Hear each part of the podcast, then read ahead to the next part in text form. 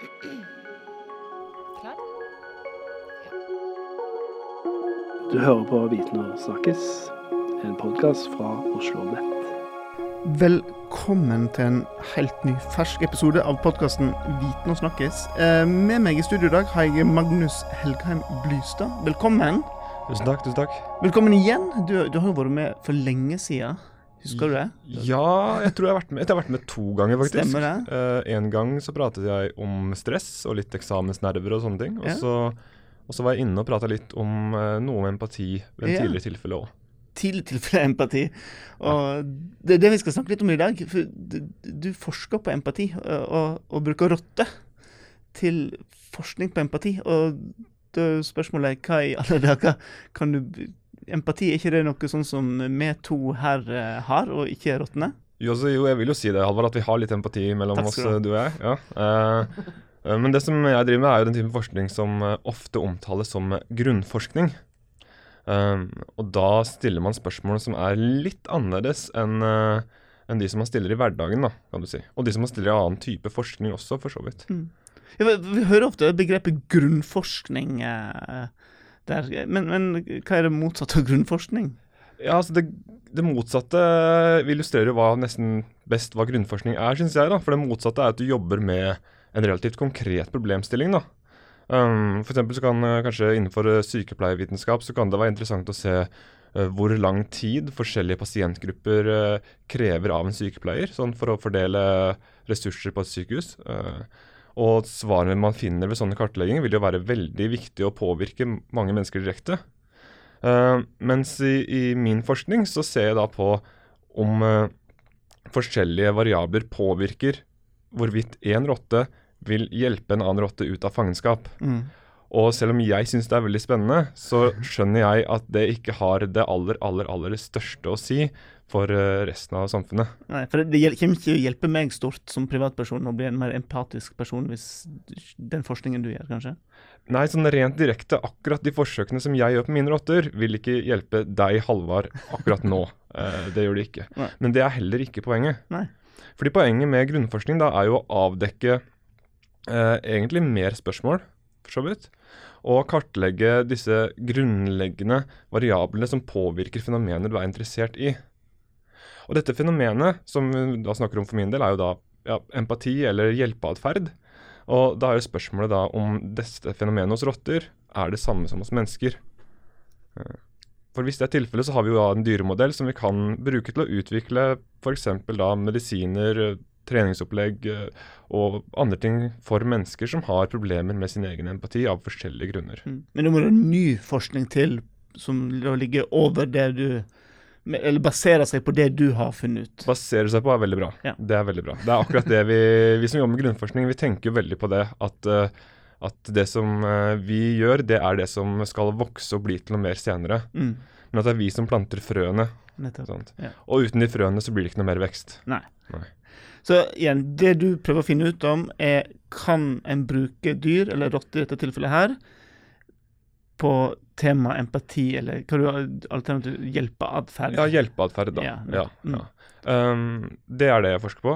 Uh, og jeg er jo ikke alene om det, og jeg er heller ikke den som starta det her. Det er gjort i mange, mange, mange år. Um, men det er ikke avklart uh, hva det er som faktisk uh, er det viktigste når en rotte hjelper en annen rotte. Men, men hva skal til for å, for å avklare dette her, da? Eh, ja, da er vi godt inne i grunnforskningsland, hvor spørsmålene er mange og svarene få, eh, for det meste. Men eh, rent konkret da, så er du avhengig av veldig mye av det som kalles for eksperimentell eh, kontroll. Eh, det er i hvert fall den, den forskningstilnærmingen som jeg har. Og, og det vil si at du prøver å kartlegge alle mulige relevante faktorer som påvirker det fenomenet, hjelpeatferd her, eh, hos rotter. da.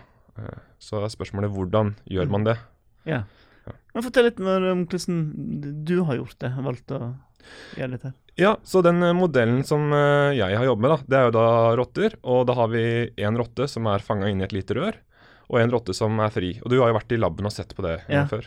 Ja. Det var veldig morsomt. Ja. Ja. Um, og så veit vi fra tidligere forskning at hvis, det, hvis du gir dem nok tid, så vil den ene rotta slippe fri den andre. Eh, så det er allerede dokumentert. Og det er dokumentert at det, er effekter av både eh, hvor nært de er i, i slekt, for å si det sånn, og også effekter av eh, ja, noe forskjellige angstdempende medisiner. Men et av de store spørsmålene som i hvert fall jeg syns gjenstår, det er nettopp om dette her er noe som ligner på empati hos mennesker eller ikke. Mm. Og min tilnærming er da å starte med noen sånne ganske grunnleggende spørsmål.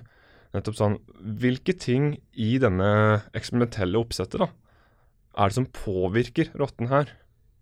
Eh, og det vi starter med å se på hos meg, da, det var å se på og, om disse rottene her fortsatt er villige til å hjelpe. Hvis vi trener dem på en litt annen måte, hvor vi veit mer om hvorfor de gjør det de gjør. Mhm.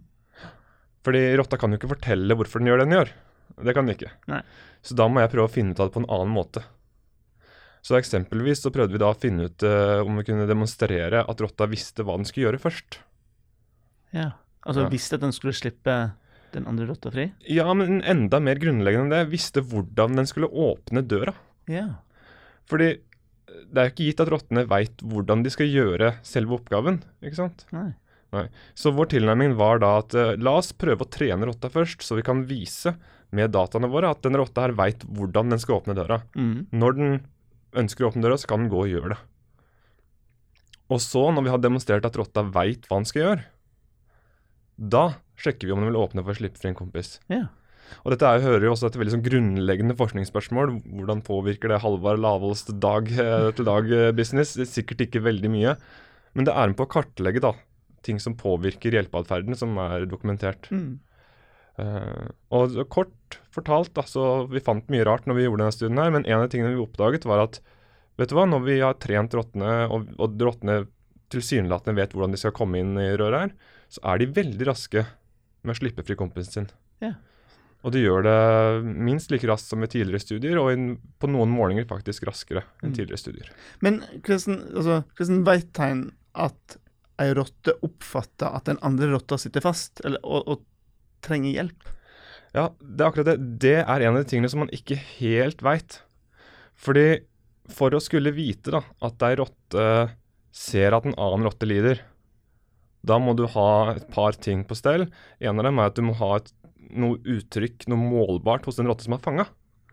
For du må vite at den rotta som er fanga, faktisk lider. Mm. At den kommer med noe uttrykk for at det er ikke helt greit å være fanga. Nå har vi noe data på det fra før, så noe kan vi si at vi veit om dette her. Vi har måling av stresshormoner fra andre lignende studier. Men du vil jo ideelt sett ha det i samme studie, sånn at du kan si at nå viser den rotta som er fanga at den ikke trives, og når den har vist det, da først kommer den fri rotta bort og hjelper den. Ja. Uh, så det, Du bør ha det på plass, og så må du også ha på plass nettopp det at eh, det er disse uttrykkene for at en rotta har det fælt, som forårsaker at hjelpeatferden inntreffer. For da blir det litt mer kausalt, kan du si. Uh, Hva var kausalt igjen? kausalt vil jo si at uh, du kartlegger grunnen til at noe skjer. Nettopp. Mens korrelasjon så er det jo bare to målinger som, uh, som har et eller annet forhold seg imellom, hvor når den ene øker, så øker den andre, eller den ene øker, så synker den andre, eller varianter av det, da. Mm. Men du kan ikke si noen ting om mellom disse to. Um, nå er vel ja, litt mer filosofisk plan så er de aller fleste målinger egentlig korrelasjoner. Eh, men da er du jo oppe og nikker med filosofen, og det skal jeg prøve å gjøre minst mulig av, for der er jeg ikke så stø. Nettopp. OK, så, så, så da har du sittet og studert disse rottene og, og prøvd å finne Eller ja, først lære å åpne døra, og så Da har du satt ei rotte i fangenskap, og da finne ut om den andre rotta vil slippe fri. Og så sa du da at det, det vil land hjelpe til med. Ja, det er riktig. det er riktig. Men hva slags uh, ting har du prøvd å påvirke situasjonen med? Ja, altså Det ene var nettopp det som du beskrev akkurat nå. For da la, brukte vi et annet uh, treningsopplegg, for å kalle det det. da, Bruke litt folkelige ord. Så vi trente dem på en annen måte enn tidligere gjort. For nettopp å kartlegge at de kan det de skal gjøre, før vi tester dem. da. Mm. Tidligere så har uh, originalfatterne bare latt rottene gå rundt, og så åpner de etter hvert. Eh, men da har du, i mine øyne da i hvert fall, eh, litt mindre kontroll på akkurat hvorfor den første åpningen skjer. Ja. Eh, så det er det første. Men noe annet som vi så vidt prøvde på, vi gjorde en liten, lite forsøk på det. Uh, og Det var da å se om de hadde noe effekt av å drive og justere belysningen. Mm. Uh, fordi hvis dette her, denne hjelpeatferden er veldig robust, hvis den er veldig robust, så vil den ikke la seg påvirke av eh, noen særlige miljøendringer. Mm. Um, og ja, altså vi fant ingen effekt av å skru lyset av og på, kort fortalt. Okay. Uh, men uh, jeg vil også trekke fram her, uh, for å være litt kritisk til meg sjøl, at vi gjorde ikke den aller mest grunnleggende Nei, sorry, grundige forsøket på akkurat det. Men det er det verdt å undersøke litt mer, for rotter er lyssensitive dyr. Mm. OK, så dere finner ut her at rottene er villige til å hjelpe hverandre ut der. ok, og så hva, hva er det er neste ledd her nå i, i forskningsverdenen? Altså, for du snakker, om, du snakker om medisiner og sånne ting. Altså, hva vil neste sett med forskere kunne ta tak i her og, og bygge videre på? Ja, Så eh, jeg er veldig sk- Skryter bitte litt. Jeg er veldig fornøyd det med det treningsopplegget som vi da brukte på rottene våre, og hvordan vi kunne da skrive om disse funnene og dokumentere det vi så, på en veldig konkret og god måte. Så en videre utvikling av det, da, i en ideell verden hvor man har alle ressurser, Ja. og alle tekniske ting fungerer, Ja, ikke sant? Uh, så vil man da kunne f.eks. skulle kjøre noe à la en form for uh, uh, aktivering eller registrering av noen hjerneområder hos rottene som man hos mennesker veit er relevante for uh, forskjellige sosiale eller empatiske situasjoner. Og så kunne du da gjøre samme studien som jeg har gjort, omtrent, uh, men mens du registrerer eller måler på annet vis hva som skjer oppi huet på rotta. Mm. For da vil du kunne være med å avklare liksom om den bruker de samme, eller tilsvarende i hvert fall, da, hjerneaktive hjerneområder som det mennesker er dokumentert å bruke gjennom menneskelige fMRI-studier og andre hjerneregistreringsstudier. Nettopp. Ok. Det er en ideell verden. Men, men jeg se den. Du, jeg må bare, kanskje litt sidespor, men jeg må bare spørre likevel. Hvorfor rotte? Eh, Altså, Hvorfor er det dyret du skal teste på, ikke jeg vet ikke, sau, hest, gris? Altså, Det er mye dyr å velge mellom her. Eh, Tilsynelatende så er det veldig mange dyr å velge mellom, det er jeg helt enig i. Eh, rent konkret så er det gjerne slik at når du jobber med dyremodeller, så baserer du det du gjør på noe som allerede er gjort fra før. Uh, og um, rotter er veldig mye brukt, og for mitt eget uh, øyemed så er det, det den modellen som dette her eh, typen atferd ble målt i aller først. Så hvis jeg skulle brukt et annet dyr, hvis jeg skulle brukt mus kanskje, eller, eh, eller katter eller hva som helst, eh, sett at laben jeg jobba i hadde tilgang til, til andre typer dyr, eh, så ville jeg da hatt en ekstra variabel, ikke sant. Fordi hvordan veit jeg at det forsøket jeg skal gjøre, måler de samme tingene hos katter eller mus eller lignende? Mm. Og eh, det er litt morsomt du spurte om akkurat det, for i år så var det noen som prøvde å gjøre det samme på mus. Mhm. Så på kort tid, i løpet av noen få måneder, så publiserte de to studier. Den første studien fant nettopp det samme som hos rotter, at musene jo, de går også bort. De hjelper de andre musene fri.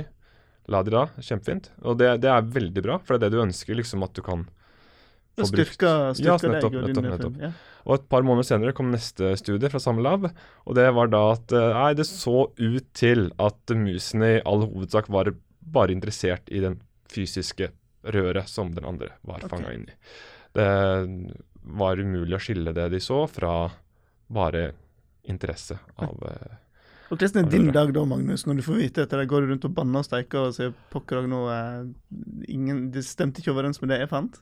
Um, altså, siden det var uh, hos mus, så, så tenker jeg ikke så mye på det. Uh, vi som jobber mye med jobber mye med rotter og sånn, eh, vi veit at det, selv om de ser like ut, ofte omtaler de samme ordelag, så er det ganske stor forskjell, ikke bare størrelse, på rotter og mus. Okay.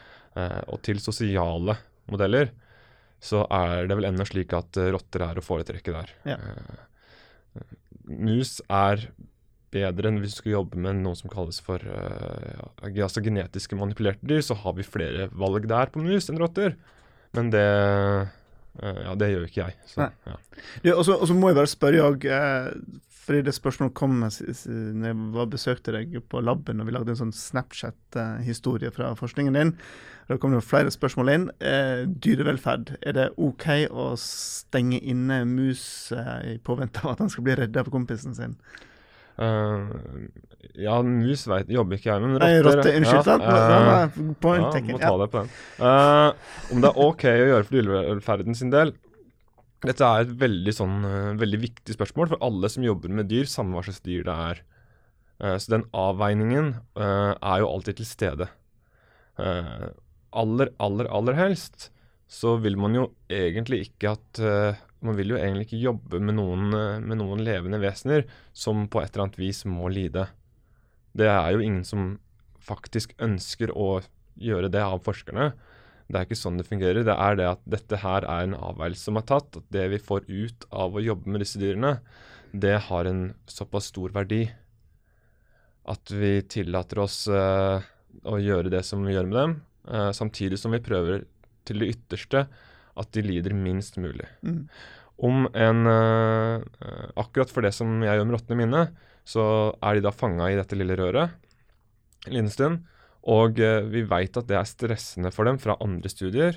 Som jeg nevnte før, så har vi ikke noen særlig gode synes jeg da, noen særlig gode mål på akkurat det i denne her typen studier. Um, men det er, eh, det er en avveielse å ta. Jeg, jeg er av den oppfatning at uh, rottene som er fanget inne hos meg her, uh, de er ikke under særlig, stort, uh, under særlig stor belastning. Altså gitt omstendighetene, Mm, mm, selvfølgelig. mm. selvfølgelig. OK, Magnus. Nå har du forklart Nå forstår jeg dette med grunnforskningen du holdt på med, og, og, og hvordan du har brukt rotter i laben og, og under kontrollerte omgivelser og teste ut ting. Men jeg må liksom litt tilbake til dette her med empati. Altså, så igjen, hvordan klarer du å, å, dra den der empatisk forskningen fra rotteforsøk i et bur og etter hvert opp til oss mennesker? Ja, um, det som jeg har hatt flaks med der, da, er at jeg starter jo ikke med det her. Uh, det er noen forskere i USA som starta med denne type dyremodell.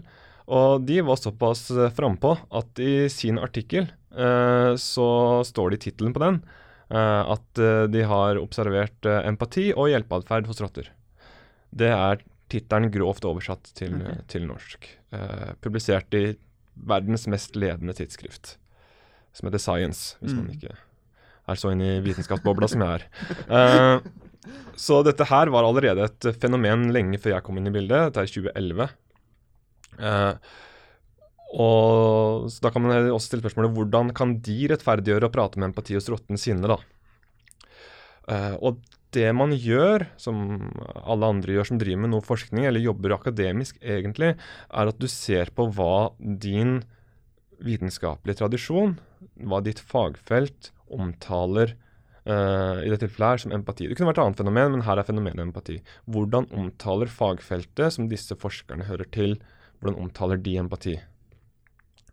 Og der er det jo en kjempe, kjempelang rekke med studier som er gjort. Studier på, på aper. Det er tidlige studier på rotter òg som viser noe som ligner på ja, altså, reaksjoner på at eh, liksom At en rotte liksom reagerer spesifikt på at en annen rotte skriker, da. Og lignende sånne ting som handler om emosjonell kommunikasjon. Og Så de hadde alt det her i bunn før de kjørte sin studie. Og det de så en rotte slipper en annen rotte. Eh, noe annet de fant, var at de fortsetter å slippe fri selv om eh, rotta slippes fri i et annet rom, eh, eller annen boks i hvert fall. Og også noe omkring det at flere av rottene valgte å, heller å hjelpe en fanga rotte enn å spise sånne sjokoladegreier som lå et annet sted. Annet rør. Uh, og det støtter veldig godt opp under nettopp det at det her ser ut som atferd, hjelpeatferd, som er skapt av at den frie rotta ser at den andre ikke har det så bra, og ønsker å gjøre noe for å avbedre den situasjonen. Eller for å, gjøre, for å hjelpe til den situasjonen. Mm. Mm. Og da endte da på tittelen med da empati og hjelpeatferd hos rotter. Mm. Uh, og etter det så er dette her blitt veldig eh, Selvfølgelig fikk masse masse skriverier, og veldig mange som ikke var enige. Og ennå så publiseres det artikler eh, som, hvor da skriver at det er ikke empati, det her er noe annet. Det er i all hovedsak kontrollert Eksempelvis det er noen, noen som hevder at nei, det handler bare om sosial forsterkning. At de ønsker bare å være sammen. At det er derfor den slipper fri, den uh, fangerotta. De okay. ønsker bare å leke og være fysisk nær. Har noen å henge med, liksom? Ja. Ja, har noen å henge med. Um, Men kan ikke du si at det er empati? Og Ja. ha noe å henge med? Ikke, Eh, nå, nå er det med å løfte debatten enda et hakk høyere opp. For da, vi, da, da havner vi jo på det Der havner man til slutt. I hvert Ja. fall når man skal skrive doktorgrad som jeg, så havner du uansett der. OK, for, de er forsker på empati, de hevder det er empati. Hva er empati? Ja. Ikke sant. Uh, og rent konkret så kan man lett finne ut hvordan empati kom inn i psykologien. Det er ikke så vanskelig. Der er det noen artikler og noen eh, gamle forskere som du kan liksom peke på.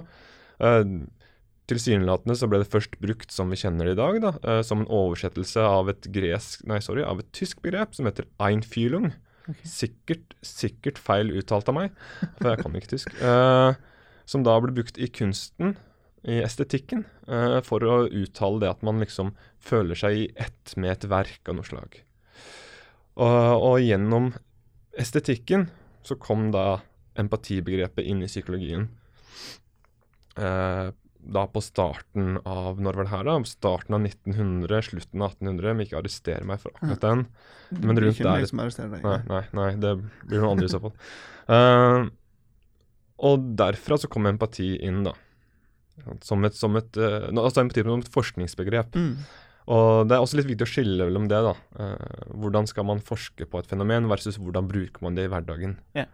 Jeg, jeg, jeg går ikke rundt og skal eh, eh, være kjip eller eh, mobbe noen som sier at de er empatiske med, med dyret sine, da, f.eks.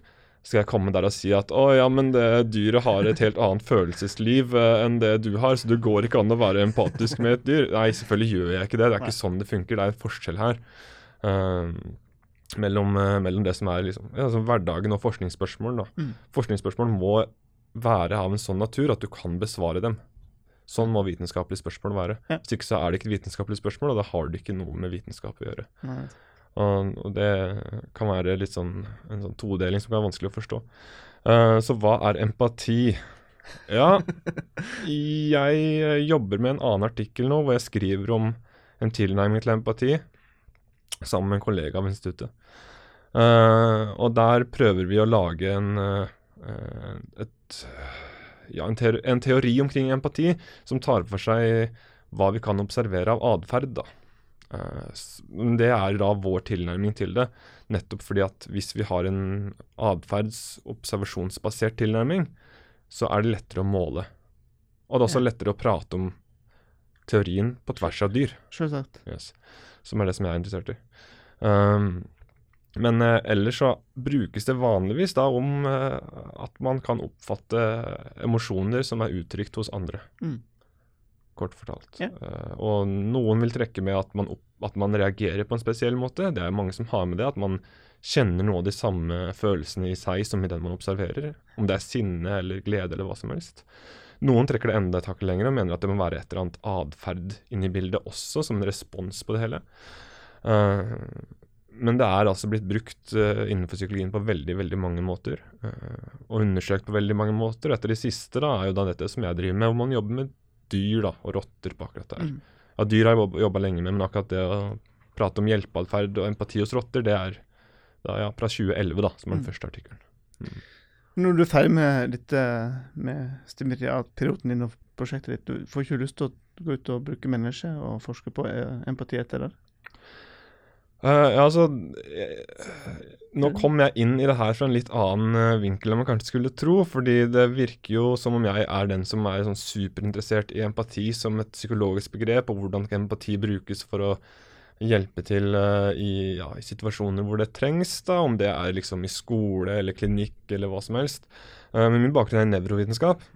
Uh, Jeg kommer fra rottestudier, og rottestudier på hvordan hjernen hos rottene fungerer, og deler av den. Så det er egentlig inn mot biologi at jeg har den største interessen. Mm. Og der, når du skal jobbe rent biologisk på nervesystemet, så er plutselig det veldig vanskelig å jobbe med mennesker. OK, da. Jeg ser den. Ja. Det er, det er, der har vi ikke så mange etisk godkjente teknikker å bruke, for å si det sånn. Ser. Yes, ja. ja, jeg forstår at du vil holde deg til rottene, med andre ord, Ja, i videre forskning. Enn så lenge, i hvert fall. Ja. Mm. Men det, vitenskapen uh, spinner og går i stor fart, uh, og, og mange forsker på disse ulike temaene. Hvordan, Hvis du tårer å se litt framover i tid, hvordan ser dette her miljøet her, det, det, temaet her ut om jeg vet ikke, 10-15-20 år? Altså, kan vi medisinere mot eh, dårlig empati? uh,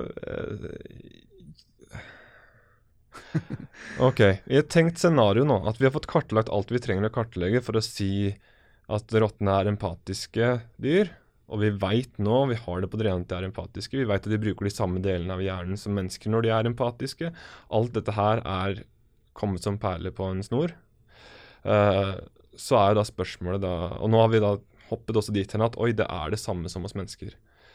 Og vi har funnet noen medisiner som gjør at faktisk rottene da, i det tilfellet her da, blir enda flinkere til å hjelpe hverandre. Og det siste steget er da klinisk utprøving av det her da, uh, i en henholdsvis pasientgrupper hvor det er relevant. Mm. Uh, så er jo det Hadde det vært drømmen at det var noe man kunne gi som førte til at mennesker også ble flinkere til å oppfatte og reagere uh, hva skal man si da, samfunnsmessig positivt på, på uttrykk for følelser hos andre.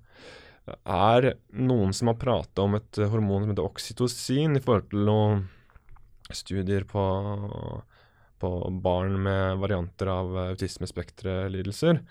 Uh, men disse er uh, Og det handler også om forhold, altså ikke nødvendigvis empati, men da det å plukke opp ansiktsuttrykk, plukke opp ja, uttrykk for forskjellige sosiale situasjoner, noe emosjon, altså emosjoner også for så vidt, da, men sånn sosioemosjonell kommunikasjon, og at oksytocin kunne være inne i bildet der. Så Men det fungerer ikke sånn helt 100% og så er det mye av det som blir vanskelig å si noe rent konkret og klart om, selv om du har et funn. da. Mm.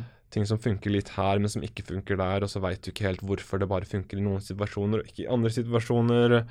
Og ja, så Og 10-15 år Det er veldig kort tid i forskning, det! Det er nesten ikke tid i det hele tatt. Nei, det er sant, det.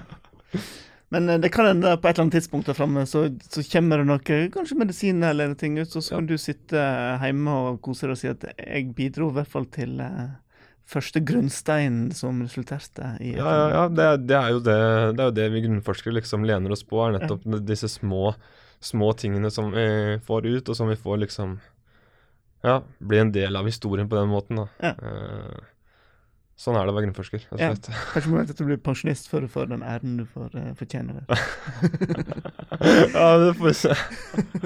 uh, Magnus, uh, veldig hyggelig å ha deg her. Og det er et veldig interessant tema. Ja, jeg syns det er kjempeinteressant. Og det er veldig koselig å være her. Ja, og så Nå er det jo bare innspurt natta her før du kan kalle doktor, eller levere doktorgraden din og, og ja, det siste er riktig. Da. Det er innspurten igjen før jeg skal levere doktorgraden. Og så ja, ja. får vi jo se. Ja, jeg skal gjøre meg en liten vurdering der, da. Men, ja, de gjør, en, de gjør en liten vurdering av innholdet. Ja. men, uh, det er hyggelig av de å gjøre, men uh, det høres ut som du har uh, kontroll på sakene dine. I hvert fall fra, fra, fra, mitt perspektiv. Ja, og fra mitt også så føler jeg liksom at jeg har Nå har jeg det meste sånn cirka der jeg ønsker å ha det på det tidspunktet. Så er det bare å få skrevet uh, kappen og få sendt det inn. Planen er da å gjøre seg ferdig i løpet av ja, sommeren, uh, våren neste år. da. Ja. Mm. Lykke til. Takk, takk. Og så uh, til dere som hørte på, tusen hjertelig takk. Vi kommer til å skrive en liten kort sak om dagens tema med Magnus, og lenke til hans profil og det han har skrevet. Så hvis du er spesielt interessert i dagens tema, så besøk viten og snakkes.oslomet.no, så finner du mer informasjon der. 100